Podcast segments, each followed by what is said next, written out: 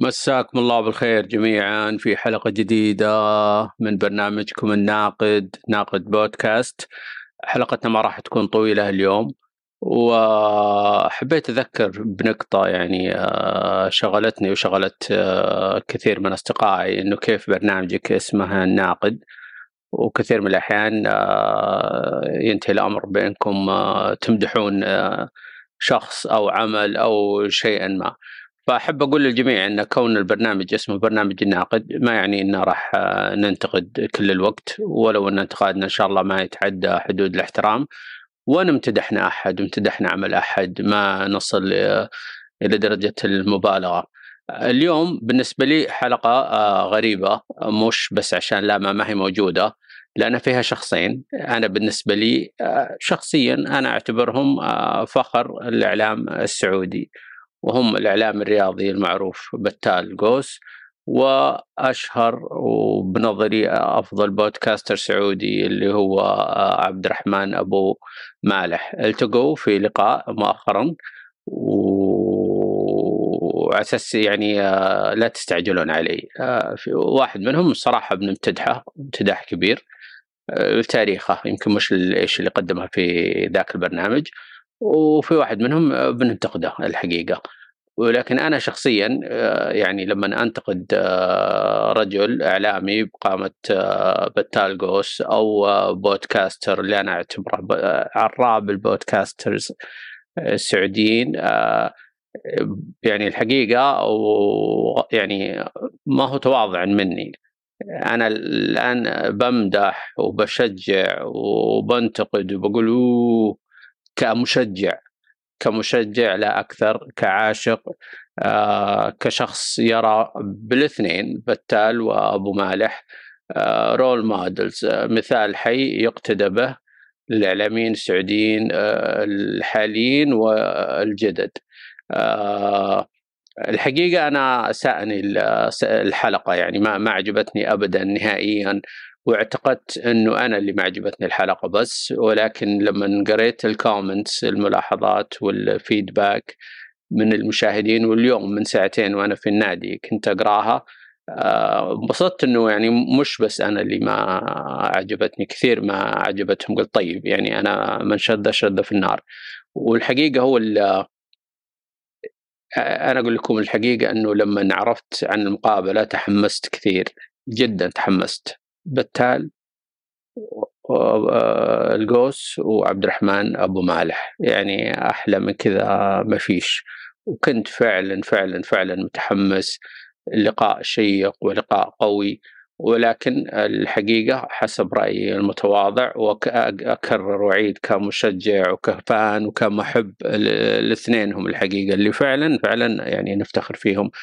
I was disappointed يعني ضاق خلقي وما استأنست واستغربت وزعلت ويعني طيب ما نطول أكثر نقول الأسباب. أول شيء نتكلم عن الاعلامي المخضرم بتال قوس بتال قوس آه، حسب معلوماتي وإن شاء الله إن معلوماتي صحيحة هو أكثر آه، مذيع إعلامي آه، رياضي سعودي عمل في قناة سعودية تكلم مع قامات عالمية. من رؤساء اتحادات من رؤساء أندية من لاعبين مشهورين من ناس صارت عليهم قضايا من ناس يمكن سجنوا من ناس اتهموا يتابع الدوري الإنجليزي ويعطينا ما وراء الكواليس والدوري الإيطالي الكرة العالمية بالمجمل. بالتالي جوست لها لقاءات يعني تخوف على قولتهم. مع ناس ما شف يعني شفناهم على بعض القنوات بس انها كعلى قناة سعودية وأنا أركز قناة سعودية مذيع سعودي لأن في مذيعين سعوديين بدعوا الحقيقة بقنوات غير سعودية يعني ما كان لهم تحكم أو تأثير كبير فيها كثر ما استطاع بالتالي إنه يعمله. من الأسماء اللي تحضرني وإن شاء الله إني ما أخطأت فيها آه اللي قابلها بتال قوس آه ميشيل بلا آه بلاتر وبلاتيني هذول رؤساء الاتحاد الدولي في يوم من الأيام بلاتيني ما زال. وتطرق معهم إلى قضايا حساسة تهم كل عشاق كرة القدم في العالم. قابل صحفيين آه على مستوى عالي جدا في كل من إيطاليا وبريطانيا والبرتغال ودول أخرى كثيرة والبرازيل. نجوم كثيرة قابلهم بتال قوس وإحنا شفنا الربع ساعة والعشر دقائق خلال مقابلتهم ولكن أنا متأكد إن بتال القوس عنده قصص ما وراء الكواليس لما إحنا نشوف العرض live وبعدين ينتهي العرض لكن قبل ال live في preparation واستعدادات وسوالف وحكي غير اللي إحنا نشوفه وبعدها بعض المرات يلحقها نفس الشيء بتال جوس أنا من وجهة نظري ساهم بشكل كبير في رفع وعي الشارع الكروي السعودي بما يخص قوانين كرة القدم. أكثر مذيع سعودي جاب محامين رياضيين يتكلمون عن قضايا في كرة القدم سواء كانت قضايا محلية تهمنا كسعوديين نتابع كرة القدم السعودية أو عالميين. بالتالي جوز تطرق إلى الظلم التحكيمي اللي كانت تتعرض له الأندية السعودية اسيويا في السنوات الماضية أكثر من أي شخص آخر وكان منطقي في تحليله وكان دائما يبحث عن الحقيقة وإيش اللي جرى. قامات كبيرة أنا تطرقت وتعمدت إني أتطرق إلى القامات العالمية الدولية اللي تكلم معاهم بتال وقابلهم ولكن برضو على المستوى الإقليمي وعلى المستوى الخليجي وعلى المستوى المحلي ومقابلته الشهيرة مع أبو ناصر مع المستشار تركي آل الشيخ ومقابلات كثيرة كثيرة يعني بتال القوس آه، أو القوس هو عبارة عن كنز آه، رياضي إعلامي ما زال يتكون يعني على قد ما فيه من جواهر إلا أنه هذه مستمرة. ولكن المؤسف واللي يحزن يعني احزنني أنا يعني إن شاء الله قاعد نتكلم كورة ولا في شيء يحزن. إنه يعني كل هذا ما جابوا سيرته وإذا جابوا سيرته من بعيد لبعيد. وعبد الرحمن أبو مالح أنا بوضعي وأنا اتابع الحلقة يعني شفت اللي يشجع فريق فريق هو قناة ثمانية. والمهاجم حقهم عبد الرحمن بن مالح وأنا اشجعه ويا رجل قول يا رجل ناول يا رجل باصي يا رجل رجع يا رجل أعمل يا رجل shoot. أنا كذا كنت كأني مشجع كرة وأنا أتابع المقابلة. بس and I was يعني so frustrated انقهرت إنه أبو مالح آه، على قولتهم ما كان بالفورمة كلاعب أو كمذيع في هذيك الحلقة. تكلموا عن الموضوعية والحيادية ومتى ما يجب عليك إنك تكون حيادي وتكلم آه، أبو ساري الظاهر بالتال قوس لقبه أبو ساري عن آه، الأكت أو القانون في عام 96 اللي صدر في أمريكا اللي آه، ما يلزم الصحافة بالحيادية لأن دائما الصحافة وراها رؤوس أموال وأكيد هي تخدم أجندات وجهة نظر معينة طالما هي تكون موضوعية وفي نطاق الصدق. مواضيع ما راح أقول عقيمة لا لا عميقة. بس يعني هذه المواضيع أنا أجيب أستاذ صحافة عمره 80 سنة يكلمني عن هذه المواضيع وراح يحسن الحديث عنها يمكن أكثر من أبو ساري الأستاذ بتال قوس وعبد الرحمن بن مالح يعني ما سأل بتال الاسئله الصحيحه يعني أنا عتبي على أبو مالح مش على بتال. بتال سئل وجاوب سئل وجاوب وأبحر في إجاباته قد ما يستطيع وكان دائما متألق آه، بتال قوس آه، مثقف. يعني أكيد راح يعني كلام حديثه راح يقنعك وراح يعجبك وراح تستفيد منه.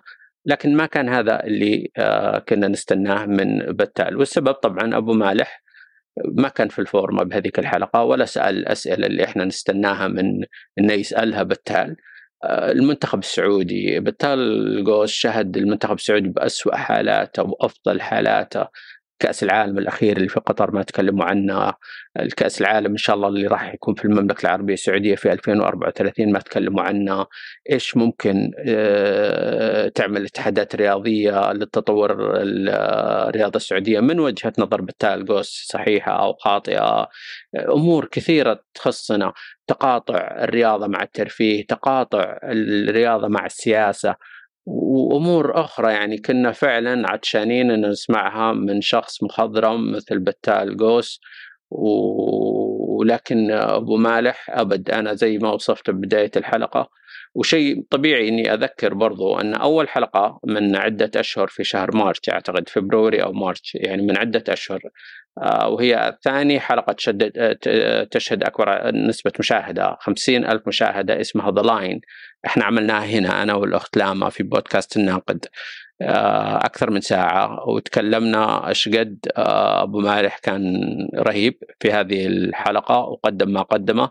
فعلا كانت الحلقة رقم واحد في بودكاست الناقد اسمها The Line كان محتوى الحلقة آه، قناة ثمانيه وعبد الرحمن أبو مالح وحققت مشاهدات عالية جدا حلقتنا. إحنا غير طبعا برضه حلقتهم طبعا مليونية أكيد كالعادة. وأشدنا فيه إشادة وبأكثر من موقع في الحلقة إيش قد عبرت عن إعجابي؟ وابو مالح وكيف إنه يوم من الأيام كبودكاستر مبتدئ أتمنى إني أكون زي عبد الرحمن أبو مالح أو حتى لو أكون بنص آه السكيلز أو آه تقنية أبو مالح ومهارته برضو راح أكون مبسوط. ولكن يعني لكل جواد كبوة وإذا اعتبرنا أبو مالح آه مهاجم في فريق كرة قدم إحنا نعشقه ما راح يقول كل يوم ولا راح يبدع كل يوم. وأعتقد أنه هذه من الحلقات اللي ما بدع فيها أبو مالح. ومن هذا المنبر منبري ومنبركم ومنبر الناقد نطالب عبد الرحمن أبو مالح ونطالب بتال قوس بحلقة أخرى يشفون فيها غليلنا. وفعلا يعطونا اللي كنا نتطلعه ونبغى الحلقة تتكون من ثلاثة أجزاء. معليش. جزء يتكلم عن الرياضة في المملكة العربية السعودية. وجزء يتكلم عن الرياضة على المستوى الإقليمي وكيف ممكن إحنا نشارك ونقود ونكون أبطال في كل الألعاب ليس فقط كرة القدم. وجزء طويل جدا يتكلم فيها عن الدوريات العالمية وعن المنتخبات العالمية وعن لقاءات بنجوم العالم. هذا الصراحة اللي ننتظره من آه، حلقة تضم آه، رجال إعلاميين وخضرمين نفتخر فيهم زي الأستاذ عبد الرحمن أبو مالح والأستاذ بتال قوس. آه ما كنت راح يعني أخلي هذه الحقيقة الملاحظة على هذه الحلقة تعدي وقررت إني أعمل لها حلقة كاملة وإن كانت حلقة قصيرة علشان نتكلم عن الموضوع اللي تكلمنا فيه. ما أطول عليكم. الله يحفظ العرب والمسلمين وكل المسالمين في العالم يا رب. شكرا لكم ومع السلامة.